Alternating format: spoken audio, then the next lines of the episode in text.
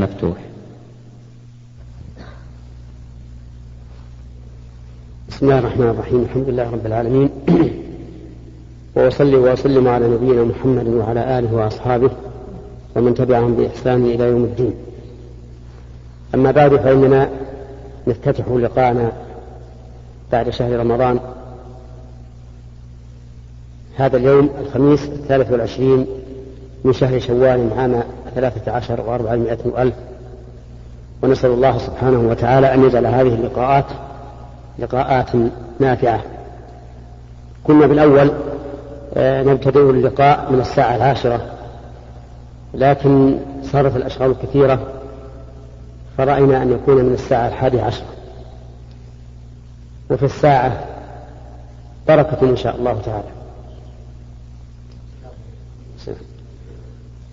وقد اخترنا أن يكون ابتداء اللقاء تفسير آيات من كتاب الله عز وجل.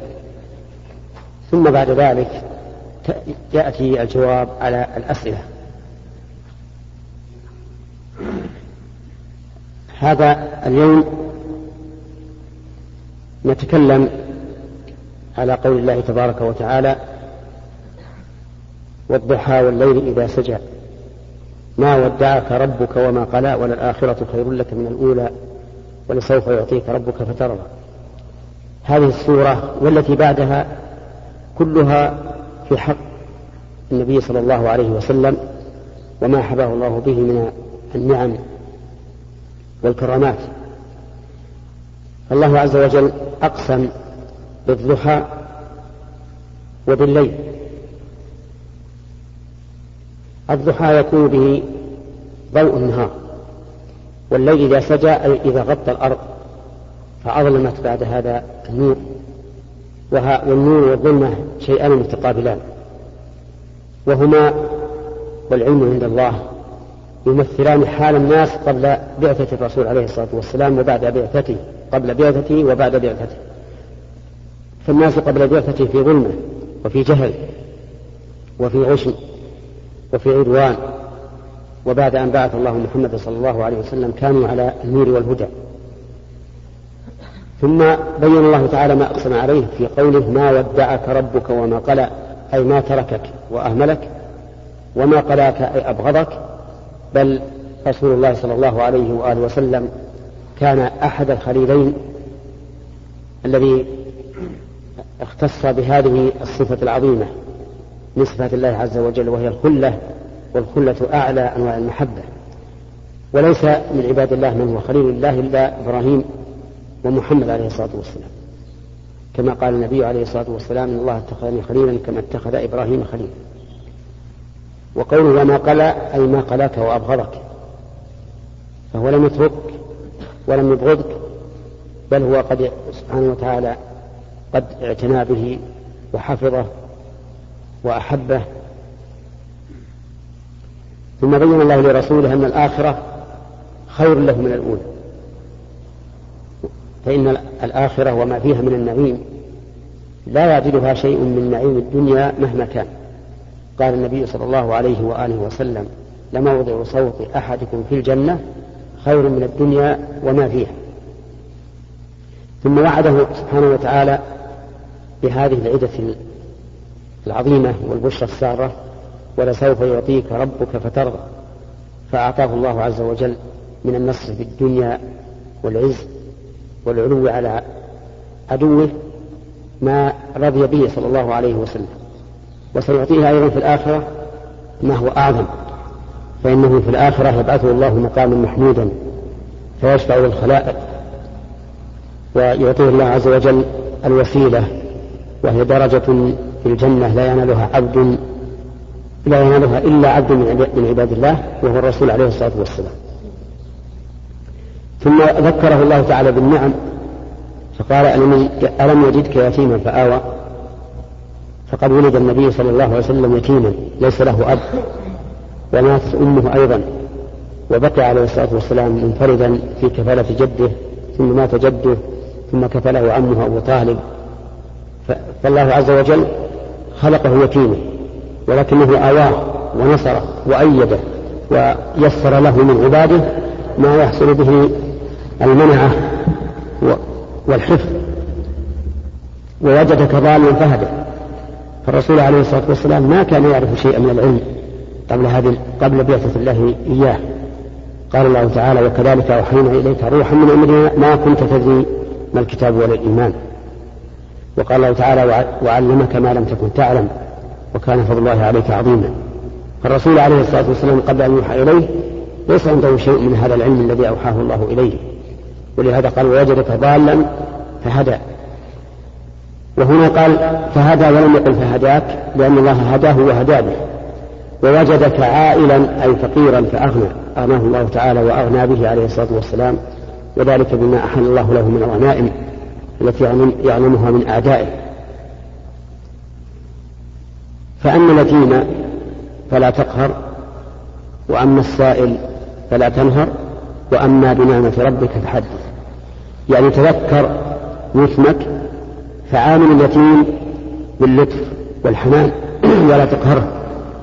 إلا أن يكون قهره في أمر فيه مصلحة له فهذا ليس قهرا في الحقيقة. وإن كان قهرا ظاهريا لكنه لمصلحة عظيمة لهذا اليتيم. وأما السائل فلا تنهر السائل الذي يسأل عن العلم والسائل الذي يسأل المال لا تنهره حتى وإن أغلظ لك فلا تنهر. عامله باللين واللطف والقبول لما يسأل. وإذا كان على خطأ فإنه بإمكانك أن تنصحه بعد أن تعطيه ما سأل. وأما بنعمة ربك فحدث وهو ما أنعم الله عليه من الوحي المبين والهدى وما جبله الله عليه من مكارم الأخلاق وحسن العبادة. حدث بها ولكن تحديث معترف بالله بنعم الله لا مفتخرا على عباد الله. نسأل الله لنا ولكم التوفيق والهداية لما يحب ويرضى إنه على كل شيء قدير. والآن مع الأسئلة. الشيخ صالح. السلام عليكم ورحمة الله وبركاته. وعليكم السلام ورحمة الله وبركاته. رجل يريد التمشي في المنطقة الغربية ويريد البقاء في جدة أياما ويحب من يعتمر وآخر قادم من الخارج أهله في المملكة طريقه على جدة ويحب أن يعتمر. هل يعتمر من جدة أو يلزمهما الإحرام؟ من الميقات جزاك الله خير.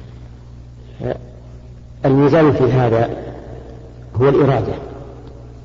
فإن الرسول عليه الصلاة والسلام وقف المواقيت وقال هن لهن ولمن أتى عليهن من غير أهلهن أي من غير أهل البلاد التي أقلت لهم ممن أراد الحج أو العمرة.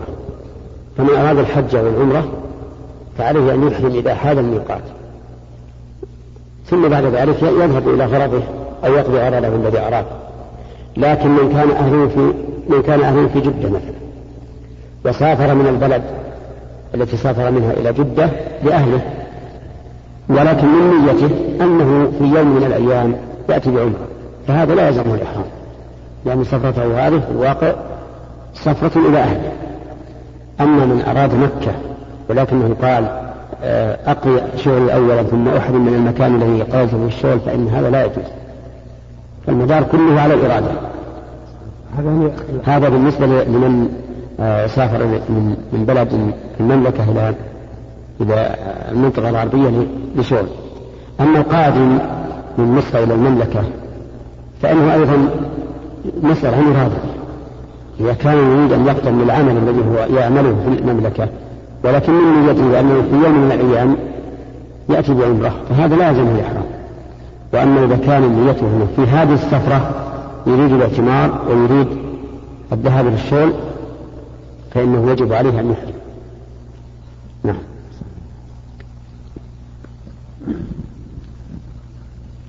بسم الله الرحمن الرحيم. فضيلة الشيخ هل يلزم تحريك الشفتين في الصلاة في الأذكار والقراءة؟ هل يكفي نقرأها بدون تحريك الشفتين؟ نعم. لا لابد من تحريك من تحريك الشفتين. في قراءة القرآن في الصلاة وكذلك في الأذكار الواجبة كالتكبير والتسبيح والتحميد والتشهد. لأن ذلك لا. لأنه لا يسمى قول إلا ما كان منطوقا به ولا نطق إلا بتحريك الشفتين واللسان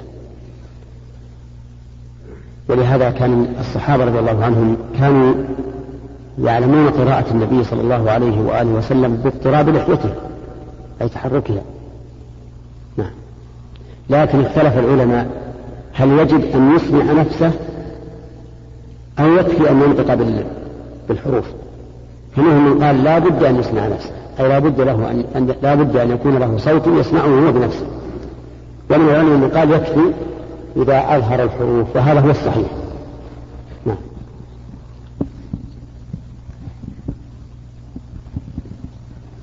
فضيلة الشيخ ما هو رأيك في ما ورد عن النبي صلى الله عليه وسلم؟ أنه صلى ركعتين بعد الوتر جالسا. وهل هي سنة تفعل دائما؟ نعم. آه يعني ما هو رأيه في الجمع بين الأحاديث؟ لا في الأحاديث نفسها. إيه لأن الحديث ليس لنا فيه رأي. لكن الجمع بين الأحاديث التي ظهرها التعارض وكذلك بين الآيات التي ظهرها التعارض ينبغي للإنسان أن يسأل عنه إذا وقع في نفسه شك. لأن الآيات التي ظهرها التعارض أو الأحاديث التي ظهرها التعارض إذا لم يعرف الإنسان وجه الجمع بينها بقي يعني قلقا ويجب أن نعلم أنه لا يمكن أن يوجد تعارض بين كلام الله عز وجل ولا بين السنة الصحيحة عن رسول الله صلى الله عليه وسلم. لا يمكن أن يوجد تعارض. فمثلا لو قال قائل إن الله يقول في القرآن يومئذ يود الذين كفروا وعصوا الرسول لو تسوى بهم الأرض ولا يكتمون الله حديثا. هذه الآية تدل على أنهم إيش؟ لا يكتمون الله حديثا. في آية أخرى يقول الله عز وجل ثم لم تكن فتنتهم إلا أن قالوا والله ربنا ما كنا مشركين. فهنا كتموا أو لم يكتموا؟ كتموا. كيف يكون هذا؟ آية تنفي أن يكتموا الله حديثا وآية تثبت أنهم أنهم يكتمون الله حديثا. نقول ما جمع بينهما؟ هو أن أن لهم أحوالا. ففي بعض الأحوال يكتمون الله حديثا وفي بعض الأحوال لا يكتمون. كذلك أيضا بالنسبة للوتر. ثبت عن النبي صلى الله عليه وسلم أنه قال اجعلوا آخر صلاتكم بالليل وترا. كما تقدم. اجعلوا آخر صلاتكم بالليل وترا وثبت في صحيح مسلم أنه كان يصلي ركعتين بعد الوتر جالسا. فكيف يمكن الجمع بين فعله وقوله نقول الحقيقة أنه لا تعارض؟ أولا أن الرسول عليه الصلاة والسلام لم يكن يداوم على هاتين الركعتين بل يفعلهما أحيانا. ثانيا أن ابن القيم رحمه الله قال إن هاتين الركعتين ليستا مستقلتين بل هما تابعتان للوتر. فهما بالنسبة للوتر كراتبة الفريضة. فلا يكون ذلك مخالفا لقوله اجعلوا آخر صلاتكم بالليل وترا نعم.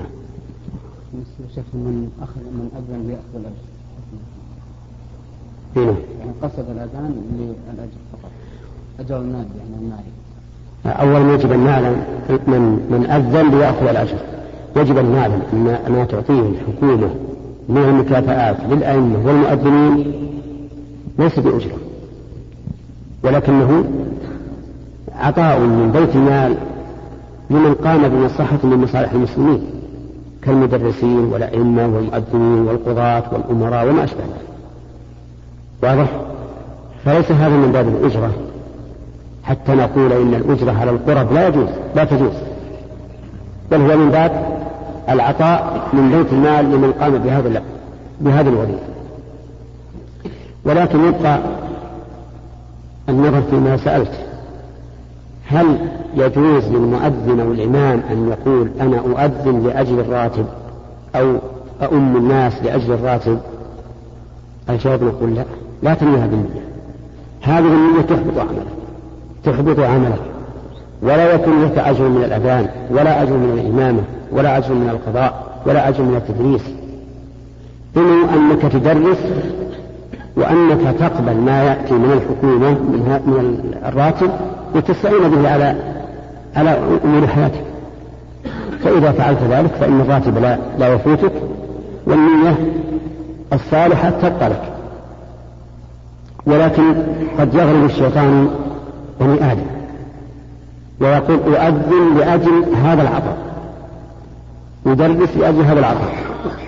فهذا قال فيه شيخ الإسلام رحمه الله إن من عمل العبادة لأجل المال فليس له في الآخرة من خلاق. يعني ما له نصيب في الآخرة. وصدق لأنه تقاضى أجره في الدنيا. المهم ينبغي أن ندعو الناس إلى تصحيح النية. هنا. سؤال واحد.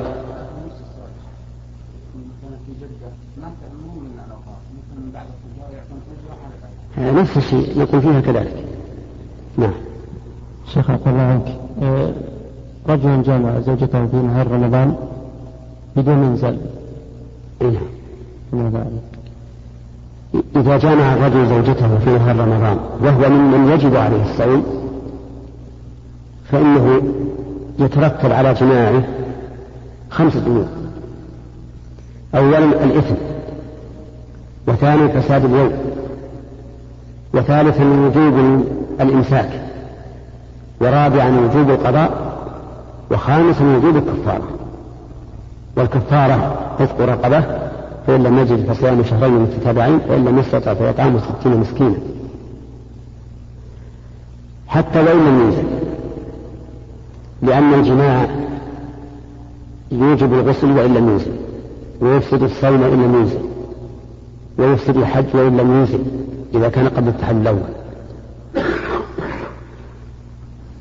أما إذا كان الإنسان الذي جامع زوجته في نهار رمضان لا يجب عليه الصوم مثل أن يكون مسافرا هو وزوجته وفي أثناء النهار جامعها وهما صائمان فهذان ليس عليهما إثم وإنما يفطران ذلك اليوم ويأكلان ويشربان ويقضيان يوما بدله لأن المسافر لازمه الصوم. نعم. هذا الشيخ يجب عليه الصوم ولكنه يظن أن الكفارة يعني ترتب الأمور هذه في إيه. الانزال فقط. إنه بدون لكنه يعرف أنه حرام. لا ما يعلم. لا يعرف ان الجماع حرام. إيه، نعم. ولكن يظن أن ترتب الكفارة على الانزال يظن ترتب هذه الأمور يعني الحرمة والإثم والافطار إيه؟ كلها تترتب على الإنزال لكن يعلم ان ان الجماع حرام الجماع بينزل بدون إنزال لا ما يعلم ما يعلم هذا؟ لا يظن إنه ليس فيه شيء يعني إذا كان إذا, إذا كان هذا هذا اعتقاده فإنه لا شيء عليه. طيب ولا قوله ربنا لا تؤاخذنا إن نسينا وأخطأنا. ولا قضاء ذلك اليوم؟ ولا قضاء ذلك اليوم. فضيلة الشيخ آه، بعض الناس آه، لهم أوراد يقولونها قبل الغروب وقبل الشروق بترتيب معين. أحاديث صلى الله عليه وسلم محفوظة بترتيب معين ويواظبون عليها يوميا. ما حكم هذه الأوراد وما حكم قراءة سورة العصر في ختام المجلس؟ جزاك الله خير أما الأوراد الواردة عن النبي صلى الله عليه وسلم من القرآن أو من الأذكار النبوية فإنها تفعل كما وردت صباحية كانت أو مسائية أو كانت دبر الصلوات أو كانت لأسباب معينة كالذكر لدخول المنزل والخروج منه. المهم أن الأذكار والأوراد الواردة عن الرسول عليه الصلاة والسلام تفعل كما وردت وأما الأذكار التي لم ترد عن الرسول عليه الصلاة والسلام أو وردت على وجه آخر غير الذي يفعله الإنسان فإن ذلك يكون بدعة إذا قام به الإنسان. لأن البدعة قد تكون في أصل العبادة وقد تكون في وصف العبادة.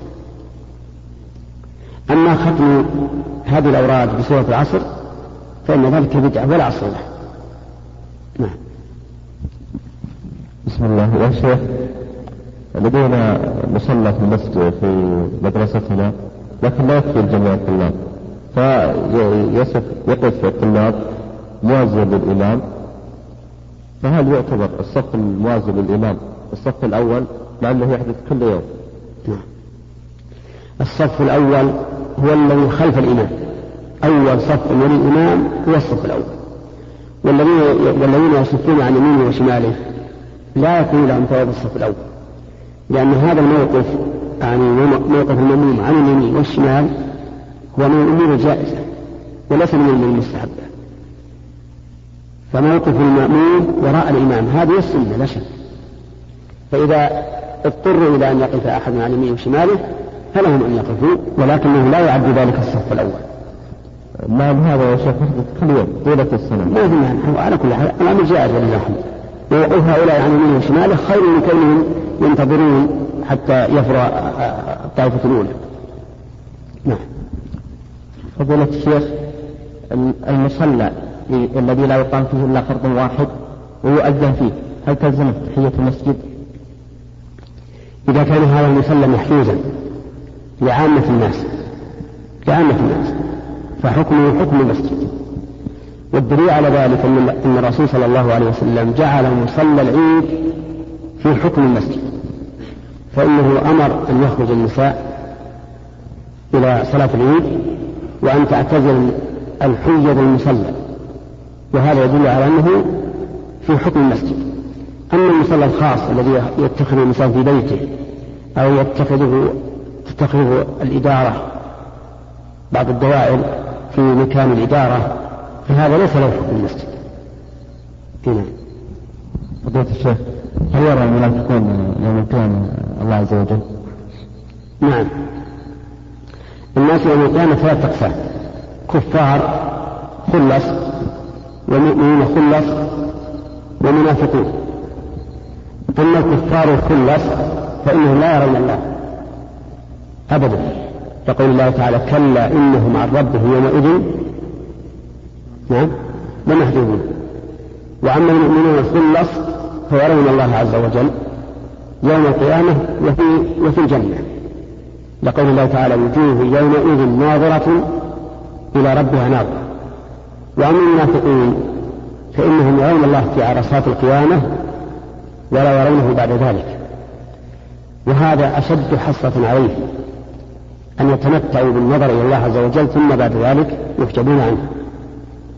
فهذه أقسام الناس يوم القيامة بالنسبة للنظر إلى الرب عز وجل. أسأل الله وجل وإياكم يرون ربهم في عرصات القيامة وبعد دخول الجنة. بسم الله فضيلة الشيخ في أحد المساجد في يوم الجمعة الماضي حصل مطر في مدينة الرياض.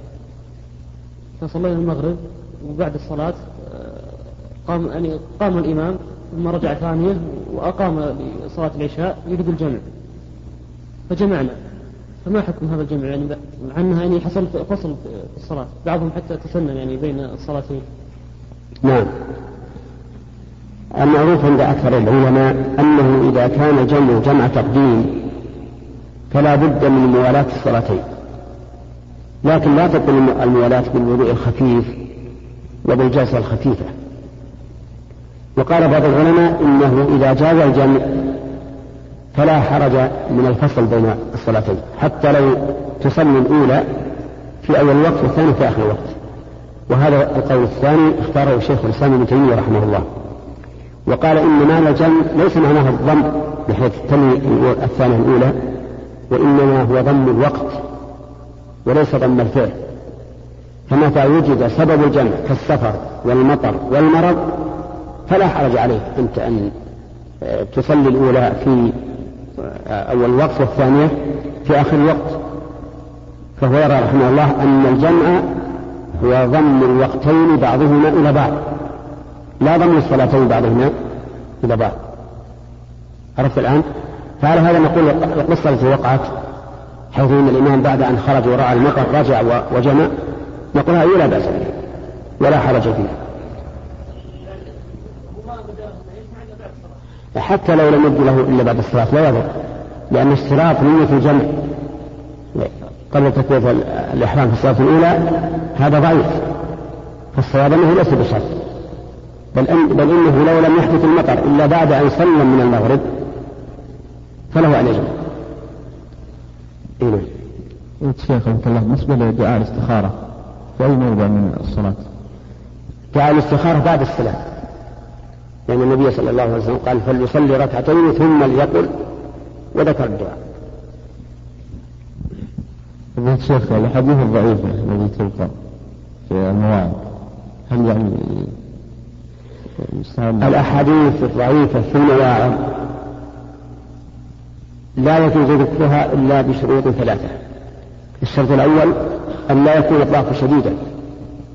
فإن كان الضعف شديدا فإنه لا يجوز أن تذكر. والشرط الثاني أن يكون لهذا العمل الذي فيه الترغيب أو الترهيب أن يكون له أصل.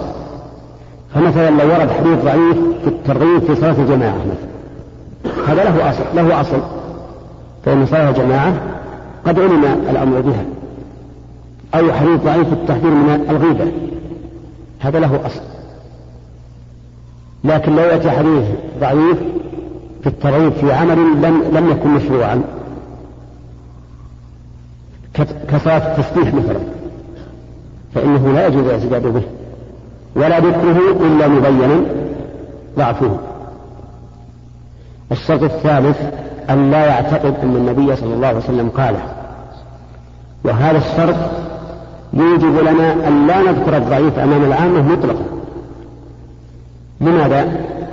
لأن العامي إذا سمع الحديث فسوف يعتقد أنه عن الرسول عليه الصلاة والسلام. سوف يعتقد أنه عن, عن الرسول. فلا يجوز أن تذكر الأحاديث الضعيفة ولو في الترغيب والترهيب أمام العامة. إلا إذا كان الرجل سيذكر الحديث ثم يقول إن هذا الحديث ضعيف. إن هذا الحديث ضعيف. فهذا خير. لأجل أن يبين الأمر على وجهه. نعم. إذا كان الشخص مسافر فوجد جماعة يصلون العشاء فهل يصلي معهم العشاء وبعد ذلك يصلي المغرب؟ الصحيح أن هذا يصلي معهم المغرب. فيدخل بنية المغرب وإن كانوا يصلون العشاء. ثم إن دخل معهم في الركعة الأولى فإنه إذا قام الإمام للركعة الرابعة يجلس هو ويقرأ التشهد ويسلم والانفراد هنا جائز للعذر لأنه لا يمكن أن يقوم إلى الرابعة وهو في صلاة المغرب فيسلم ثم يدخل مع الإمام فيما بقي من صلاة العشاء. وإن كان قد دخل معه في الركعة الأولى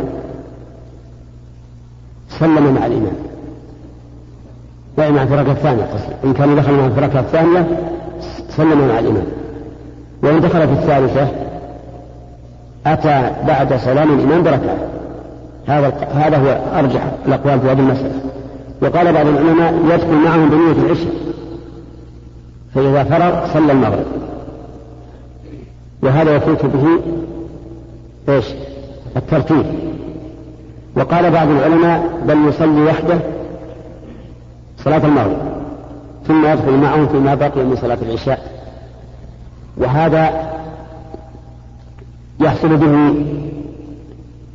وجود جماعتين في مسجد واحد إن كان هذا الرجل معه غيره وصلى وصلى جماعة. أو انفراد الإنسان عن جماعة المسلمين وهذا كله غير مرغوب فيه شرعا فأحسن الأوقات في هذه المسألة ما ذكرته أولا. نعم.